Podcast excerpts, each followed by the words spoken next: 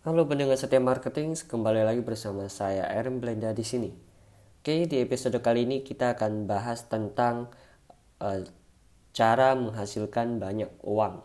Ya, saya akan bagikan tiga langkah, oke, untuk uh, hari ini. Sebenarnya kalau kita ngomongin cara-cara menghasilkan uang itu banyak sekali ya, panjang banget itu listnya. Uh, contohnya, misalkan Anda bisa buka usaha franchise anda bisa buka usaha konsultasi sebagai konsultan bisa. Kemudian makanan, dagang, Anda mau jadi freelancer itu juga bisa menghasilkan uang. Oke, okay? but let me tell something.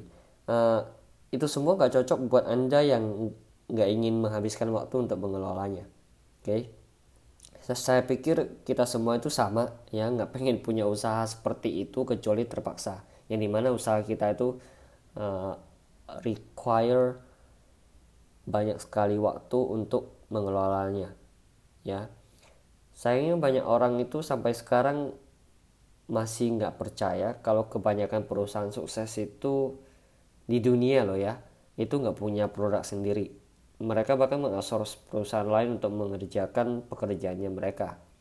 Contohnya Microsoft anda pikir mereka bikin sendiri Xbox-nya? Enggak ya atau anda pikir Kodak sendi uh, mereka yang merancang sendiri kamera digital mereka? Nggak juga.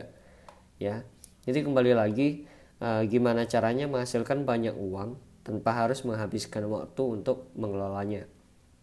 Oke langkah pertama anda bisa main di niche yang sempit. Nah uh, mengisi demand atau permintaan itu sebenarnya jauh lebih mudah daripada menciptakan permintaan itu sendiri Oke, okay? mengisi jauh lebih mudah daripada menciptakan. Nah, Anda bisa cari pasar terlebih dahulu di mana Anda ingin bermain, kemudian tentukan siapa pelanggan Anda baru Anda bikin produknya. Jangan dibalik. Ya, jangan bikin produk dulu baru kemudian Anda paksakan uh, produk Anda ke pelanggan yang Anda inginkan. Nah, jangan pernah berpikiran kalau semua orang itu adalah pelanggan Anda karena kalau Anda menyasar semua orang, maka sebenarnya Anda itu tidak menyasar siapa-siapa. Oke, seperti kata pepatah dari Tiongkok, eh, ketika Anda mencoba untuk menembak dua burung, maka Anda tidak akan menyasar satu burung pun. Ya, satu burung pun tidak akan kena. Nah, kalau Anda selama ini misalkan jualan produk untuk pecinta anjing, uh, I think you should stop ya. Yang harus Anda incar itu sebaiknya adalah pemilik anjing tertentu misalkan anjing pak atau anjing uh, apa ya husky misalkan ya. Jadi lebih spesifik lebih fokus. J karena lebih fokus itulah biaya yang diperlukan anda untuk beriklan nantinya untuk pemasaran itu akan lebih terjangkau dan tepat sasaran. Paham ya? Nah atau contoh lain misalkan uh, contoh lain kelas bisnis online aja deh yang saya sama Riko ngadain kita itu nggak pernah mengincar pasar di luar karyawan dan mahasiswa. Ya karena saya dan Riko itu pernah berada di keadaan yang sama di mana dia tidak ingin melanjutkan kuliah demi bisnis dan saya saya juga resign dari pekerjaan saya demi bisnis juga. Sehingga kita berdua itu tahu persis apa produk yang bisa menjadi solusi untuk uh, market kita untuk niche kita. Oke? Okay?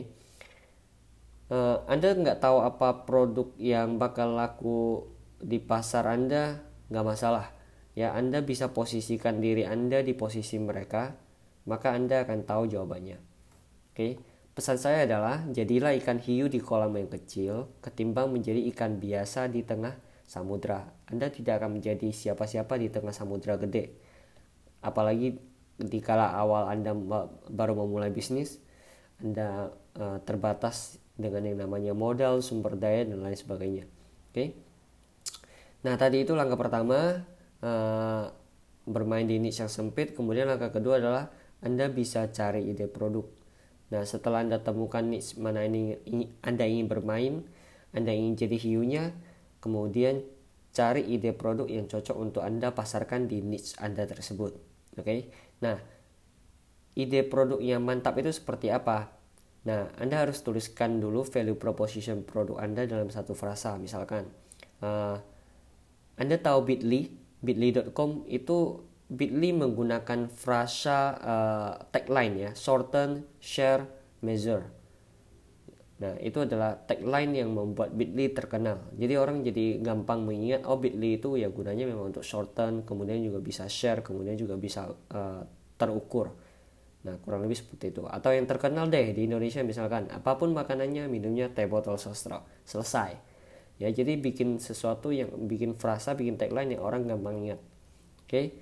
Nah, kemudian juga syarat kedua adalah margin keuntungan itu minimal harus 100 ribu itu buat saya pribadi loh ya kalau misalnya lagi main karena uh, menentukan harga rendah itu sangat tidak dianjurkan kar uh, karena gini banyak banget manusia uh, suwe ya yang bersedia mengorbankan bagian profit lebih lagi jadi ujung-ujungnya Anda juga akan ikut-ikutan bangkrut kalau misalkan Anda bermain uh, di harga yang uh, sudah red ocean yang ibaratnya price war dengan orang lain. Ya karena ketika anda misalkan dari 10.000 turun 8.000 pasti ada lagi nanti tujuh, turun 7.000 ada lagi yang turun 6.000 pasti selalu ada yang kayak gitu. Nah gunanya menetapkan harga tinggi adalah anda bisa membentuk citra atau uh, branding premium high end untuk produk anda kemudian juga harga yang lebih tinggi artinya kita bisa menjual lebih sedikit produk dan berurusan dengan lebih sedikit pelanggan ya kita bisa menjual lebih sedikit produk dan kita berurusannya dengan lebih sedikit pelanggan. Oke. Okay? Kemudian kalau misalnya kita menetapkan harga tinggi, kita juga uh, artinya berurusan dengan orang-orang yang lebih sedikit, komplain yang lebih sedikit, keluhan yang lebih sedikit, returan yang sedikit, lebih sedikit, dan sakit kepala yang lebih sedikit. Itu udah pasti. Kemudian harga yang lebih tinggi juga otomatis margin profit bisa lebih tinggi. Jadinya lebih aman untuk bisnis Anda. Jadinya lebih sustain.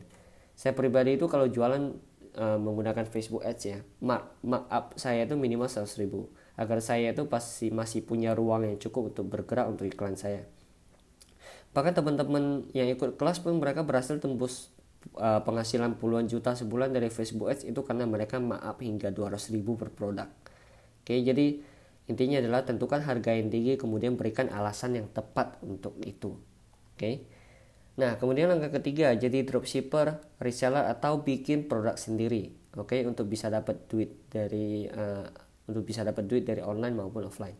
Nah, Anda bisa dropshipping uh, dropshipper itu memang nggak bisa dipungkiri adalah uh, apa ya masih jadi primadona sampai detik ini juga sampai detik ini saya bikin podcast itu masih primadona dropshipping masih banyak digemarin. Uh, saya sudah melihat banyak teman-teman yang sebelumnya bisa menghasilkan minimal 10 juta ke atas hanya dengan menjadi dropshipper.